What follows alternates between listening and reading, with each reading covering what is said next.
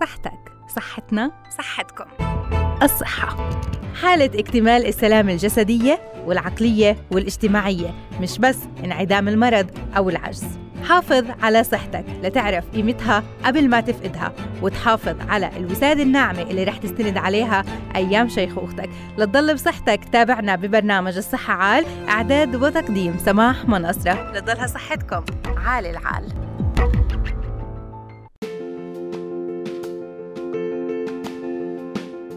أسعد الله أوقاتكم مستمعينا. حيا الله فيكم بحلقة جديدة من برنامج الصحة عال. رح نتطرق للحديث بمواضيع عدة منها الآلام في الخاصرة. شو بتكون الأسباب؟ الحصوات البولية ممكن ممكن عند بعض الناس يكون في التهابات لكن هذا الألم متى بيكون حالة مرضية بتستدعي زيارة الطبيب المختص؟ لأنه ممكن هاي المنطقة خصوصا لما يكون على جهة معينة ممكن أنه يكون مؤشر لبعض الأمراض اللي ممكن تستدعي إجراء العمليات الفورية ومنها آه، الزايدة. أيضا مستمعينا آه، رح نحكي اليوم عن النتوء العظمي. ممكن أنه آه، نلاحظ بعض النتوءات العظمية بمناطق مختلفة من الجسم ممكن بالقدم ممكن بالإيد.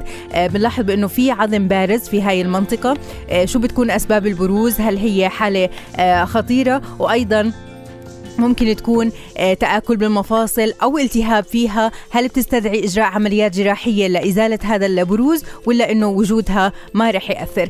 أيضا مستمعينا بعض الناس اللي بيعانوا من فقدان البصر الجزئي أو بشكل مفاجئ بيفقدوا بصرهم ما بيعودوا شايفين أمامهم. ممكن يكون لحالة مرضية أو أنه ممكن تكون آه، حالة آه، عابرة. ورح نعرف أيضا عن الأسباب مين أكثر الفئات اللي ممكن تكون معرضة للإصابة بمثل هاي الحالة. بالإضافة لموضوع جدا مهم عن ارتفاع درجات الحرارة اللي بنشهده بهاي الأيام كيف بالإمكان نتعامل معه؟ وشو اللي بيصير لأجسامنا بظل ارتفاع درجات الحرارة؟ ومعكم بالإعداد والتقديم من وراء الميكروفون أنا سماح مناصرة يسعد مساكم.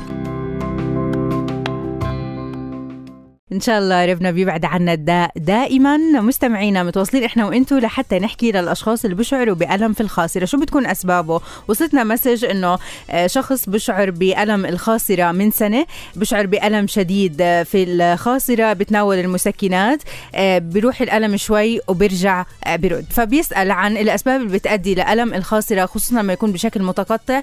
ألم شديد لكن بشكل متقطع. شو بتكون الأسباب؟ والطرق العلاجية أيضا. رح نحكي بهذا الموضوع الموضوع واستفساراتكم توصلنا عبر صفحتنا على الفيسبوك راديو علم باللغة العربية. معنا الدكتور ياسر أبو صفية الاستشاري في أمراض الجهاز الهضمي والباطني. دكتور ياسر أهلا وسهلا فيك يسعد أوقاتك. يسعد أوقاتك وأوقات المستمعين الأكارم أهلا وسهلا يا هلا ويا ميت مرحبا بحضرتك. اليوم موضوعنا عن أسباب الام الخاصرة. بعد ما وصلتنا مسج من مستمع بيحكي بأنه بيشعر بهذا الأمل الألم بشكل متقطع وشكل مؤلم جدا. شو بتكون الأسباب دكتور؟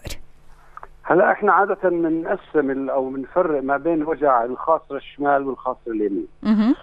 الألام اللي بتكون في الخاصرة الشمال ومن الخلف بالذات غالبا ما تدلل على وجود آه، ألم ناتج عن مغص كلوي بنسميه إحنا ممكن يكون حصى في الكلى أو حصى في مجرى البول في الحالب. الشيء الثاني في منطقة الشمال هناك القولون، مرات كثير أعراض وجع القولون أو توتر القولون أو إذا كان في آه، ورم في القولون بعطينا ألم بالضبط في منطقة الكلى الشمال وبكون شديد مرات بروح وبيجي عبارة عن موجات.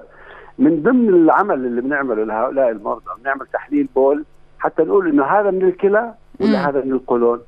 فتحليل البول والتصوير التلفزيوني عادة أو ال ultrasound هو اللي بيأكد لنا إحنا مع إيش نتعامل بالخاصره الشمال، هل هذا وجع قولون ولا هو عبارة عن وجع مثلا ناتج عن حصى في الكلى أو حصى في الحالب؟ وزي ما قلت لك مرات كثير صعب الطبيب إنه يفرق بيناتهم إلا إذا كانت في أعراض أخرى مصاحبة آه، للشكوى. يعني طيب. هذه اللي على الشمال.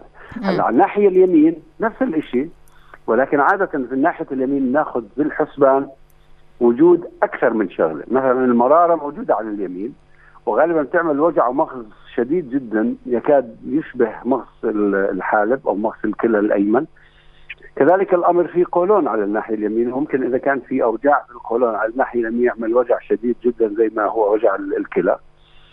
آه، لهذا السبب يعني ضروري الطبيب يعرف وين الوجع في أي شقة بالضبط. هل هو جاي من الخلف؟ خلف الخاصرة يعني هل هو من من من المنطقة اليمنى؟ هل هو من المنطقة اليسرى؟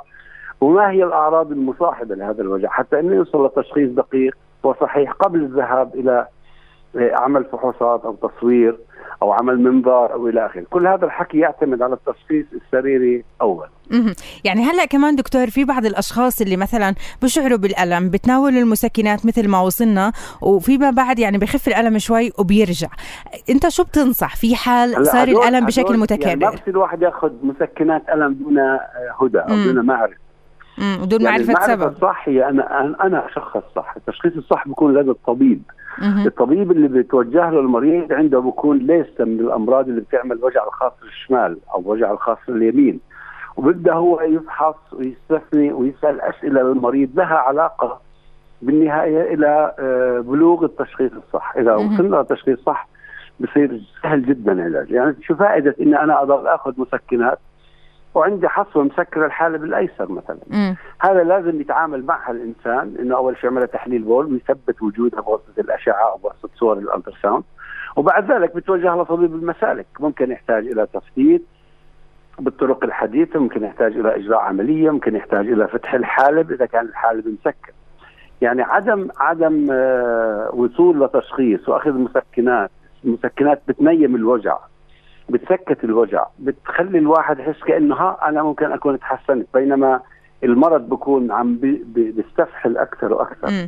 طيب هلا يعني ممكن لفترة أسبوع أسبوعين يؤدي إلى فشلها. تمام. هلا كمان دكتور يعني باختلاف الفئة العمرية يعني ممكن مثلا آه، صبايا ما قبل مثلا مرحلة البلوغ يصير يعانوا من هذا الألم بشكل متكرر يصير في طريقة تشخيص خطأ ممكن في بعض الأحيان بيحكوا إنه عندها فشل كلوي وللأسف بتكون يعني إنه ما عندها هالشيء بس إنه آه، يعني آه، تحضير لمرحلة البلوغ. بعض الأشخاص ممكن بعد هاي المرحلة ممكن أيضا الشباب يعانوا من من هاي من هذا الألم نتيجة مثلا لتناول غذاء ممكن بشكل خاطئ ممكن المسن أيضا يعاني. فاختلاف الفئة العمرية قديش بتشوفوا كمان بيساعد بالتشخيص بالطريقة بالتأكيد. المناسبة؟ بالتأكيد. يعني مثلا في أمراض بتصيب فئة الشباب مثلا مثل هاي الأيام والحر والحامي واللي, واللي الناس تتعرض لجفاف وبيشتغلوا العمال في جو درجة حرارته مثلا في اليوم 39 أو 38 هاي تؤدي إلى ترسبات في الكلى ويؤدي إلى وجع آه أو مغص كلوي. بالنسبة للصبايا اللي تفضلت فيهم صحيح يعني عادة البنات ممكن قبل الدوره يصير عندها وجع في كل البطن مش شرط يكون من ناحية الشمال أو اليمين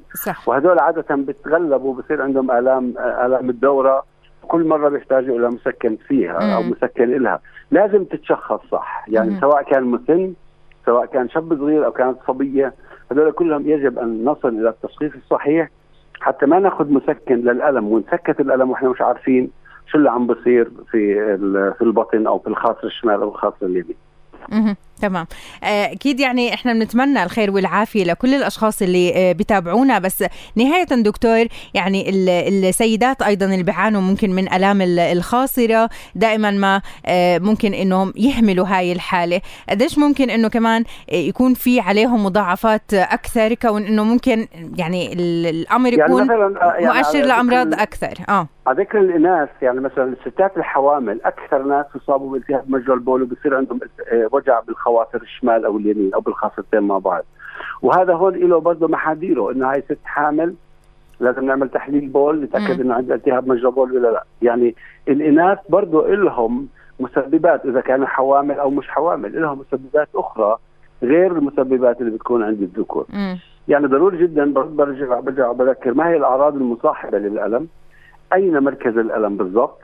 هل هذا له علاقة بالجهاز الهضمي ولا له علاقة بالكلى ولا له علاقة بالمرارة التشخيص الصحيح والتشخيص السليم يتم من قبل الطبيب بمساعدة المختبر وأخصائي الأشعة م. هذا يعني هذه هي نصيحتي وهذا هو اللي أهم إنه ينعمل دون اللجوء إلى مسكنات وعدم معرفة ماذا يجري بالداخل بداخل تمام. البطن يعني تمام. هذا هذا خطأ إنه أنا اضل كل ما يوجعني آه، خاصية الشمال أو اليمين أخذ لي حبة وأخذ مسكن أو اخذ إبرة أو اخذ تحميلة فهذا الحكي يعني ما لازم يتم ولازم يتوجهوا للطبيب والطبيب هو اللي يشخص بدقة ما هي أسباب هذا الألم. تمام. بدي أتشكرك أكيد الاستشاري في أمراض الجهاز الهضمي والباطني الدكتور ياسر أبو صفية يعطيك ألف عافية. شكرا لوقتك اللي خصصته لبرنامجنا. مستمعينا فاصل ورح نرجع لمتابعة مواضيعنا في الصحة عال. خليكم معنا.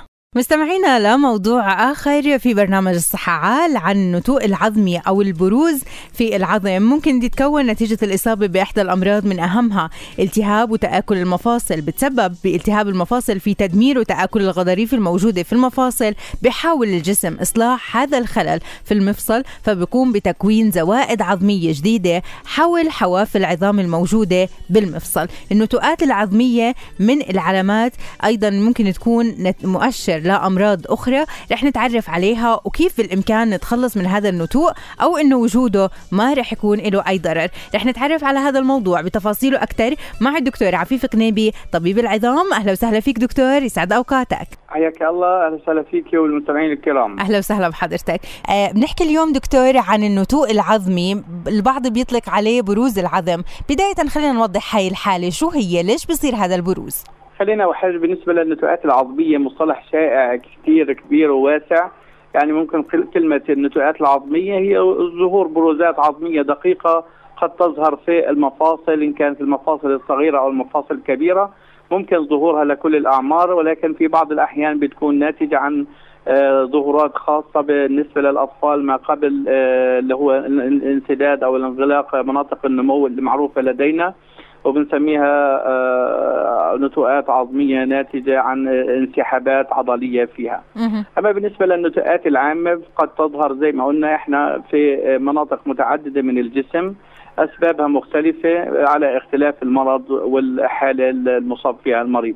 بعض الأمراض الروماتيزمية والأمراض اللي هي خشونة المفاصل أيضا بتظهر لنا نتوءات عظمية.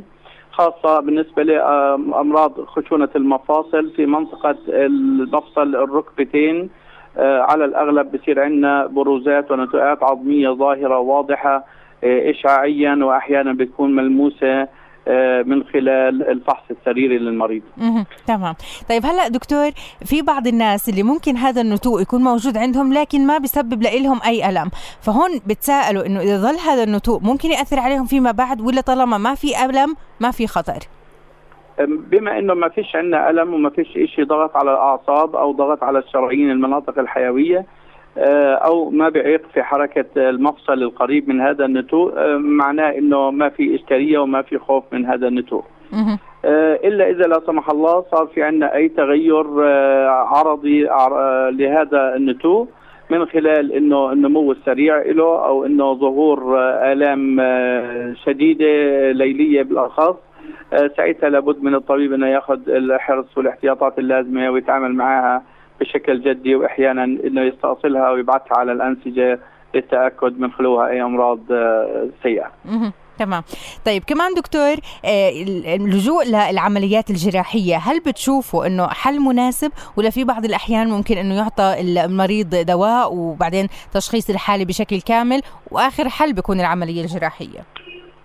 لابد آه، من حد ما المريض إنه يشعر في عنده نتوء عظمي إنه يتابع طبيب أخصائي جراحة العظام والمفاصل حتى يستطيع إنه آه، يأخذ بجميع الأسباب وإنه يفحصها اشعاعيا سريريا واشعاعيا ومخبريا آه، من غير تدخل جراحي كبداية. إذا الطبيب عنده أي شكوك في هذا الأمر ساعتها هو لابد إنه يأخذ خزعه من هذا المكان. ويتعامل معها بكل جدية. آه لكن كما ذكرت لك إنه في بعض أحيانا النتوءات اللي هي الطبيعية يعني مثلا آه كمسمى عامي اللي هو مسمار عظم في الكعب الإجر هذا يسمى برضه نتوء عظمي. هل هذا ممكن يسبب لنا أي إشكاليات مستقبلية أو لا سمح الله أمراض خبيثة؟ آه لا آه هذا الكلام مش صحيح مش راح يسبب لنا أي إشكاليات ولكن طب كيف الشخص بالإمكان إنه يميز؟ كيف؟ الشخص بامكان إنه يميز إذا كان مثلا هذا النتوء آه، لا سمح الله مؤشر على الإصابة بورم أو إنه شيء طبيعي؟ هو مش طبيعي هو مش طبيعي ولكنه ما فيش منه ضرر لو بقينا على أبقيناه في مكانه من غير تدخل جراحي بما إنه ما بيسويناش أي أعراض هو مش طبيعي بكل الأحوال. بالرغم من ذلك هو مش بما إنه الطبيب مطمئن لابد من التوجه إلى الطبيب لفحصه ومعاينته من خلال من خلال الفحص السريري والإشعاعي حتى يستطيع إنه يقيم إنه هذا من الأمراض الحميدة أو الامراض الأورام الحميدة أو من أو قد تتطور وتتشكل باتجاه السيء، لذلك لابد هي من أي إحساس بوجود نتوء عظمي متابعة الطبيب بشكل في أسرع وقت ممكن. أها تمام، هلأ كمان دكتور يعني إذا مثلا شل شلنا العظم في إمكانية لأنه يرجع بنفس المكان مرة جديدة ولا لا؟ إذا انشال بالطريقة السليمة بالشكل الصحيح وتاخذ من من جذوره لا ما بيظهرش بالعادة ما بيظهر. طب في إمكانية إنه يروح لوحده؟ ولا النتوء العظمي يعني البروز في العظم بهذا المكان مستحيل يروح لوحده؟ لا في استحالة إنه يروح لوحده. مم. دائما بتم موجود بشكل دائم لكنه مش مؤثر. بما إنه إنه مش مؤثر زي ما اتفقنا على الشرايين على الأعصاب. مش مش مؤدي إلى محدودية في حركة أي مفصل من المفاصل. ساعتها ما فيش داعي لنا إيش نشيله في حالة إنه اطمئنان الطبيب إنه هذا النتوء من الأنواع الحميدة التي لا تتطور ولا تتشكل ولا تتغير. أما إذا كان عند الطبيب أي شكوك في وضعية هذا النتوء وإنه قد يتطور ويتشكل إلى نوع من الأنواع اللي هي الأورام اللي هي كانسرز ساعتها لابد من أخذ استئصاله استئصال كامل وبعثه على الأنسجة والتأكد من خلو هذا المريض من أي مرض متقدم لا سمح الله. بدي أتشكرك أكيد الدكتور عفيف قنيبي طبيب العظام يعطيك ألف عافية وشكرا لكل هاي المعلومات اللي قدمت لنا إياها اليوم مستمعينا فاصل ومن بعد الفاصل راجعين وبرنامج الصحة عالم. أسعد الله أوقاتكم مستمعينا. حيا الله فيكم بحلقة جديدة من برنامج الصحة عال. رح نتطرق للحديث بمواضيع عدة منها الآلام في الخاصرة. شو بتكون الأسباب؟ الحصوات البولية ممكن ممكن عند بعض الناس يكون في التهابات لكن هذا الألم متى بيكون حالة مرضية بتستدعي زيارة الطبيب المختص؟ لأنه ممكن هاي المنطقة خصوصا لما يكون على جهة معينة ممكن أنه يكون مؤشر لبعض الأمراض اللي ممكن تستدعي إجراء العمليات الفورية ومنها الزايدة. أيضا مستمعينا رح نحكي اليوم عن النتوء العظمي. ممكن إنه نلاحظ بعض النتوءات العظمية بمناطق مختلفة من الجسم ممكن بالقدم ممكن بالإيد. بنلاحظ بإنه في عظم بارز في هاي المنطقة. شو بتكون أسباب البروز؟ هل هي حالة خطيرة؟ وأيضا ممكن تكون تآكل بالمفاصل أو التهاب فيها. هل بتستدعي إجراء عمليات جراحية لإزالة هذا البروز ولا أنه وجودها ما رح يأثر؟ أيضا مستمعينا بعض الناس اللي بيعانوا من فقدان البصر الجزئي أو بشكل مفاجئ بيفقدوا بصرهم ما بيعودوا شايفين أمامهم. ممكن يكون لحالة مرضية أو أنه ممكن تكون حالة عابرة. ورح نعرف أيضا عن الأسباب مين أكثر الفئات اللي ممكن تكون معرضة للإصابة بمثل هاي الحالة. بالإضافة لموضوع جدا مهم عن ارتفاع درجات الحرارة اللي بنشهده بهاي الأيام. كيف الإمكان نتعامل معه؟ وشو اللي بيصير لأجسامنا بظل ارتفاع درجات الحرارة؟ معكم بالإعداد والتقديم من وراء الميكروفون أنا سماح مناصرة يسعد مساكم.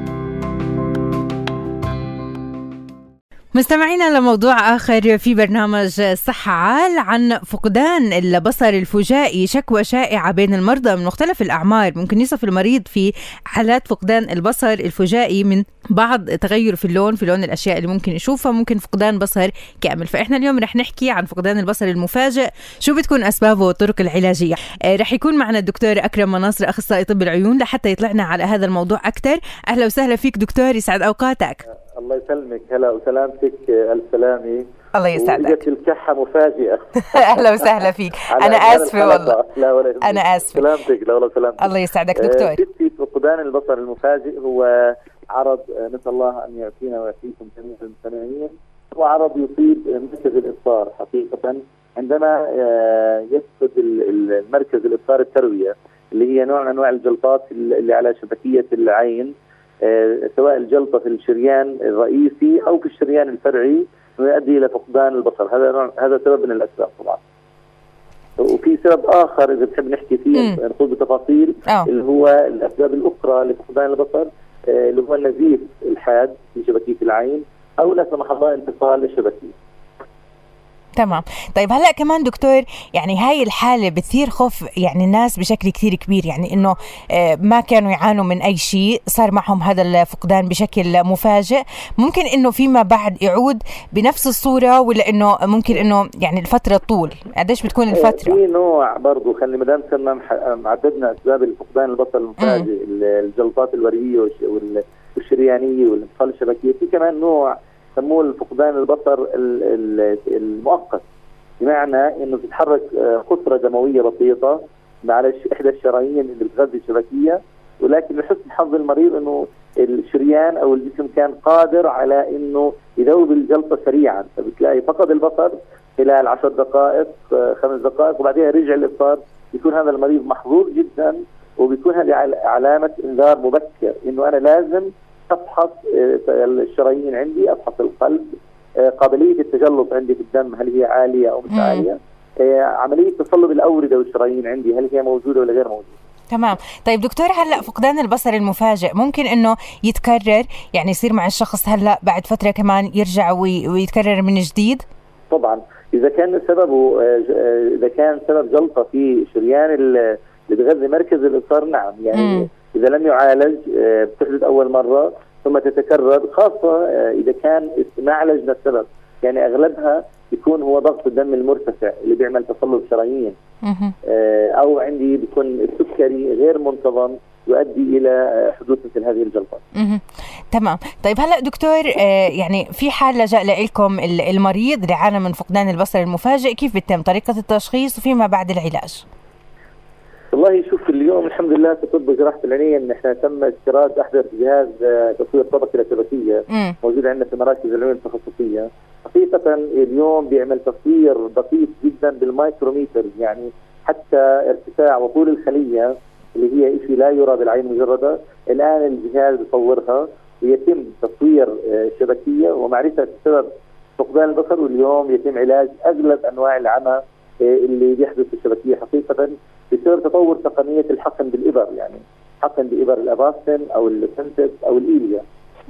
تمام. هلأ في دكتور نحكي عن يعني إن شاء الله علاج بيكون شافي لهؤلاء الأشخاص. يعني إيه. بعد بعد العلاج ما في إمكانية إنه ترجع هاي الحالة؟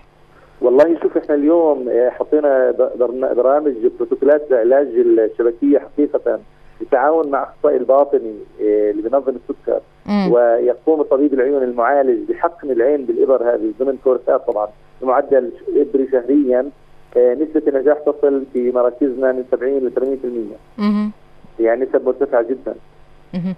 تمام. طيب هلأ كمان دكتور مين أكثر الفئات اللي بتكون عرضة للإصابة بفقدان البصر المفاجئ؟ ممكن الأطفال ممكن آه الناس اللي بتعرضوا لأشعة الشمس بشكل دائم أو إنه في أسباب ثانية أو إنه في فئات أخرى ممكن تكون معرضة أكثر؟ والله هو الفئات العمرية اللي ببلش يبين فيها الضغط ضغط الدم ارتفاع في ضغط الدم. يعني هو الموضوع حقيقة موضوع الحلقة جدا مهم. بس متمي آه له كثير علاقة مع ضغط الدم المرتفع. آه, آه. الفئات العمرية اللي يبلش عندها ارتفاع في ضغط الدم غير معالج وغير مشخص أو اللي عندهم قابلية لتصلب الشرايين آه حقيقة سواء تصلب الشرايين المرضي أو الوراثي آه هذول الفئات اللي بيكون عندهم آه قابلية عالية جدا لفقدان البصر المفاجئ. طيب دكتور كمان في بعض الناس اللي بيحكوا إنه لما يعني تصير معهم حالة عصبية شديدة جدا ممكن إنهم يعانوا من فقدان البصر المفاجئ، هذا أيضا له علاقة بضغط الدم مزبوط؟ آه، طبعا يعني هو إحنا دائما بنقول آه، الستريس أو العصبية هذه آه، هي عامل من عوامل ارتفاع يعني حدوث كل الأمراض يعني السكر الضغط الجلطات اللي على الدماغ الواحد ما بيعود قادر يسيطر على جسمه لما يعصب. بالضبط يعني اليوم ما في شيء مستاهل. يعني إحنا دائما بنقول يعني ما في شيء مستاهل ويعني اللي خايفين عليه نحكي قاعدين عليه يعني ما في شيء يعني اليوم صارت الناس تبحث عن الهدوء والراحة والدعم. صح وأهم شيء الواحد يحافظ على صحته كل شيء بهون بعدها بالضبط أكيد.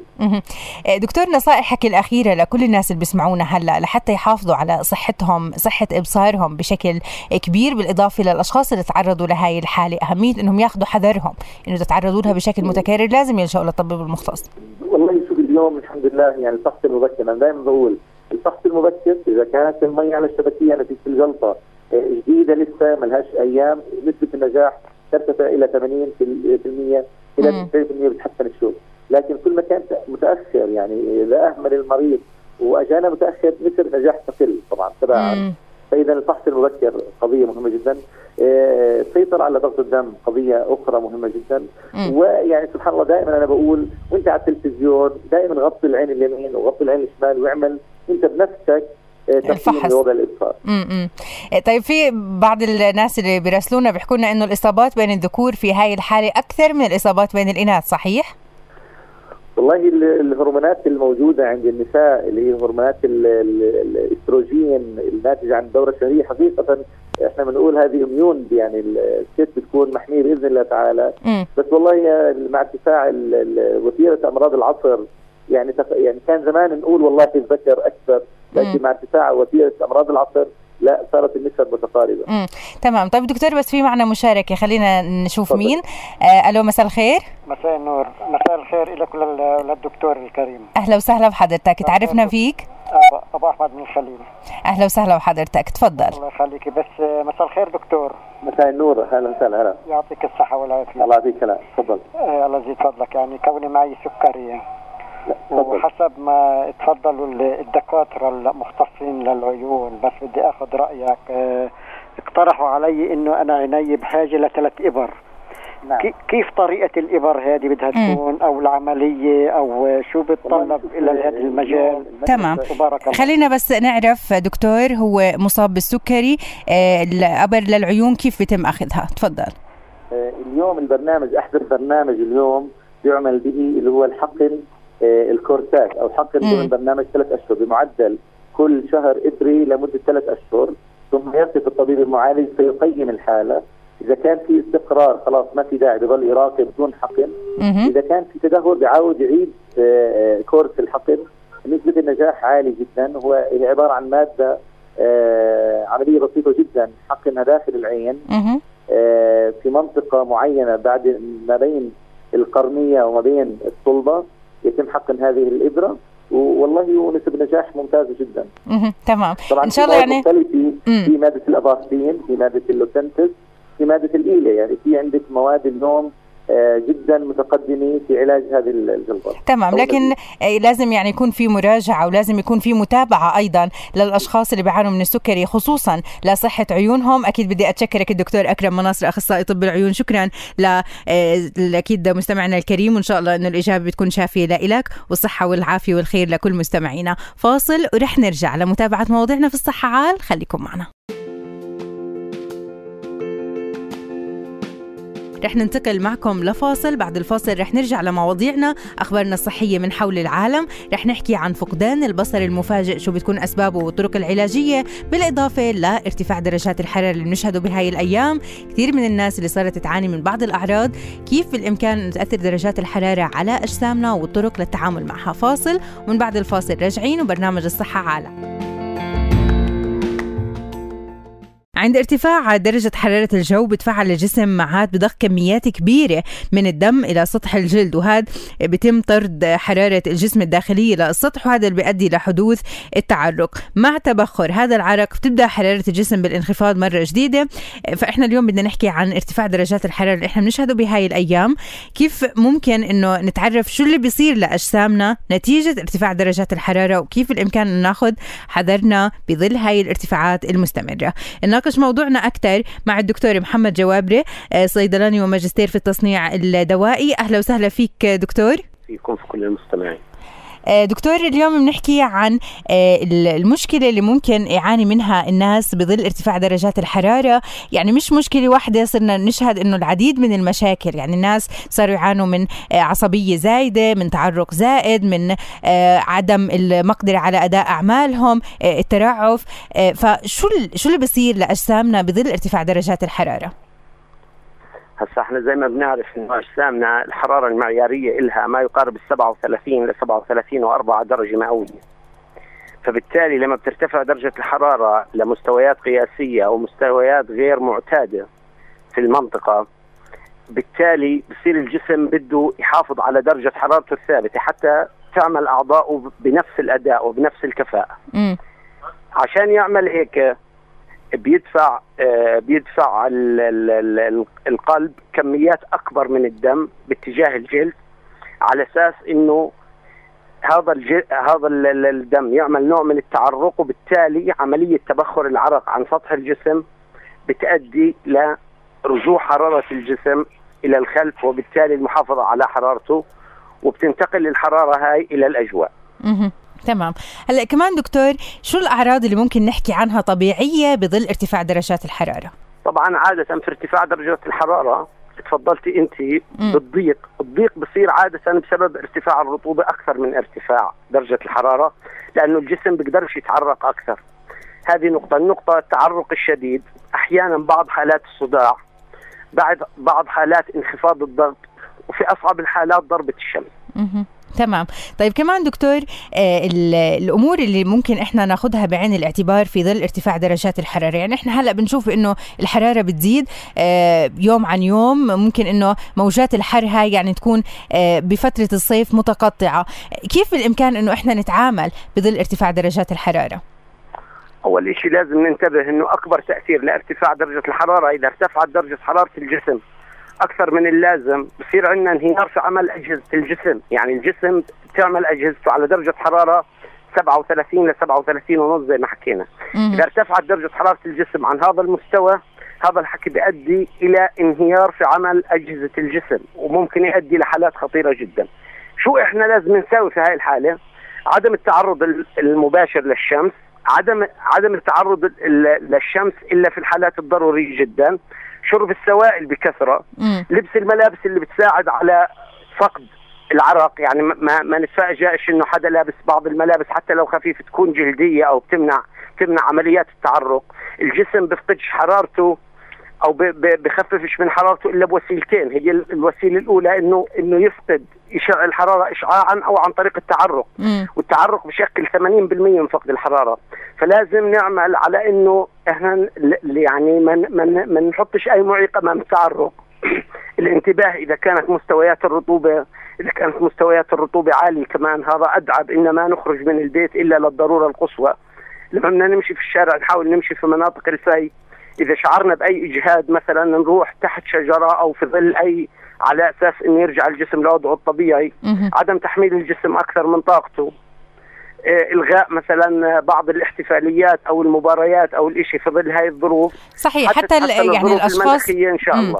آه، دكتور حتى الأشخاص مثلا العمال اللي بيشتغلوا تحت أشعة الشمس مباشرة بنلاحظ بأنه يصابوا بالعديد من الحالات آه، مثلا رعاف بالإضافة لأنه ممكن ما يعودوا قادرين على العمل فبيأجلوا أعمالهم ممكن لبعد فترة المغرب. يعني قديش بتشوفوا إنه كمان لازم الحذر يكون من قبلهم أكثر لأنهم يعني الأشعة عليهم مباشرة؟ آه تخيلي إنه 10 كيلو مشي أو ركض في درجة حرارة 37 ل 38 درجة مئوية بتؤدي لإفراز 4 لترات عرق. 4 لترات عرق عند الإنسان الطبيعي هي ما يقارب ثلثين الماء اللي ب... اللي بال... بال... بجسمه. تخيلي يعني ثلثين الماء اللي في الدورة الدموية. فلازم وللضرورة القصوى إنه يعني يتأجل تتأجل الأعمال تحت درجة الحرارة هاي أو تتأجل لساعات النهار الأولى أو لساعات النهار ال ال ال الأخيرة لما بتخف درجة الحرارة ولما بتحسن مستوى الرطوبة. لأنه الموضوع خطير جدا. يعني تخيلي أنت ضربة الشمس إذا لم تعالج خلال يعني فترة معينة ممكن تؤدي للوفاة أو ممكن تؤدي لأنه الإنسان يتأثر جهازه العصبي وما يرجعش يعمل أصلا. تمام. طيب كمان دكتور يعني الأشخاص اللي ممكن يعانوا من ارتفاع درجات الحرارة آه، إذا ارتفعت درجة حرارة الجسم عن 41 ممكن إنه تبدأ وظائف الجسم في التوقف صحيح؟ نعم. الحين إحنا حكينا إنه الجسم يعمل يعني عمليات الميتابوليزم اللي هي عمليات البناء والهدم بتتم على 37 ل 37 ونص. إذا وصلنا إحنا ل 40 ل 41 درجة الحرارة تبدأ بالانهيار وممكن تتوقف. وإذا توقفت أو انهارت بتؤدي لمسائل خطيرة جدا لأنه الجسم قائم على عمل أجهزته. إذا وقفت أجهزته ممكن تؤدي لخطر بسيط أو شديد أو خطر دائم أو حتى الوفاة. وعادة لما تيجي حالة زي هيك لازم تعالج بسرعة. وعادة هم بتعمدوا وضع الثلج عند أصل الفخذ أو بين الإبطين تحت الإبطين على أساس عملية إرجاع درجة الحرارة للمستوى الطبيعي. تمام.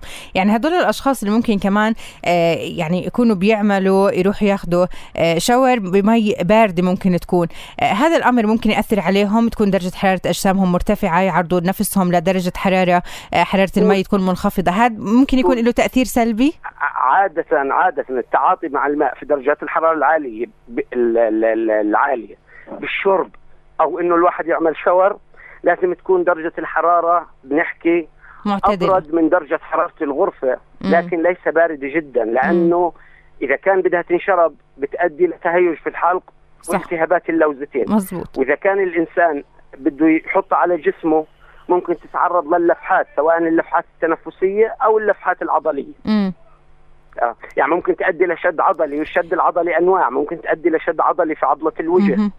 آه فلازم يعني الماء اللي بدنا نستخدمه خلال أخذ الشاور أو خلال الشرب في في الصيف أو في درجات الحرارة العالية هذا الماء ما يكون ماء الثلاجة زي ما الناس بيعرفوا لا ماء الثلاجة لازم يخلط بماء الحنفية ثلثين لثلث لازم يكون أبرد قليلا تمام. من درجة يعني زي ما بتأثر درجات الحرارة المرتفعة على السوائل على صحة الحلق كمان ممكن تاثر على الجسم يعني هاي معلومة ممكن آه كمان جديدة إنه ممكن التشنجات اللي بتصير بالجسم في الصيف تكون نتيجة إنه يعني الحمام بمي بارده هلأ كمان دكتور بالنسبة للأشخاص الرياضيين أشخاص اعتادوا على أداء التمارين الرياضية آه في الصيف كمان ممكن يضلهم مستمرين فيها فبنلاحظ إنه في العديد من الحالات الخطيرة اللي يصابوا فيها. شو بتنصحهم هون الأشخاص الرياضيين واللي بيأدوا التمارين الرياضية بشكل يومي تقريبا؟ أول شيء إحنا لازم نعرف إنه الرياضيين أكثر صحة من الناس العاديين اللي بما ما بيمارسوا الرياضة وكمية م. الدم في جسمهم ممكن تصل لضعف إلى ضعف في الدورة الدموية ممكن تصل لضعف كمية الدم اللي في الناس العاديين وقلبهم أقوى بمقدار الثلث تقريبا من الناس العاديين. هذه نقطة يعني وهي إيجابية في صالحهم. لكن في حالات درجات الحرارة المرتفعة ننصح الرياضيين أول شيء يشربوا سوائل كثير خلال عمليات الرياضة لما يشعروا بالإعياء أول ما يبدوا يشعروا بالإعياء الشديد. يرتاحوا. حتى لو كان الواحد في مباراة رسمية ممكن يطلب التبديل أو ما يشبه ذلك. هذه مسألة. المسألة الأخرى ممنوع منعا باتا الرياضة, الرياضة تحت الشمس العمودية. م. يعني خلال ساعات النهار الوسطى اللي هي خمس إلى ست ساعات ساعات النهار الوسطى ممنوع الرياضة. يعني إذا كان المسألة المسألة ذاتية في الرياضة بنقول للواحد مارس الرياضة في, صبا في ساعات الصباح الباكر أو بعد أذان المغرب. وإذا كانت مباريات رسمية أو ما يشبه ذلك لازم الجهات الرسمية تقوم في وضع تقوم في وضعها في في, في ساعات مناسبة لجسم الإنسان. تمام وهذا اللي بنتمناه أيضا إنه يكون في محافظة على آه، صحة أجسامنا أول شيء من خلال طبعاً. تدبرنا لأمورنا وأيضا آه، حكمتنا بإنه إحنا كيف نحافظ على صحتنا. وبعدين الأشخاص اللي ممكن آه، بيشتغلوا إنهم كمان يكونوا أكثر حذر الأشخاص الرياضيين كمان الجهات المعنية تكون أكثر إن شاء الله دراية بأحوالهم لحتى تكون الصحة إن شاء الله تاج على رؤوس الأصحاء دائما. كل الشكر لحضرتك الدكتور محمد جوابره صيدلاني وماجستير في التصنيع الدوائي. يعطيك ألف عافية وشكرا. لكل هاي المعلومات اللي قدمت لنا إياها. شكر موصول لكل ضيوفي بهالحلقة. يعطيكم العافية والصحة والخير ودائما بتقبلوا تحياتي رفقتكم بالأعداد والتقديم من وراء الميكروفون. أنا سماح مناصرة في أمان الله.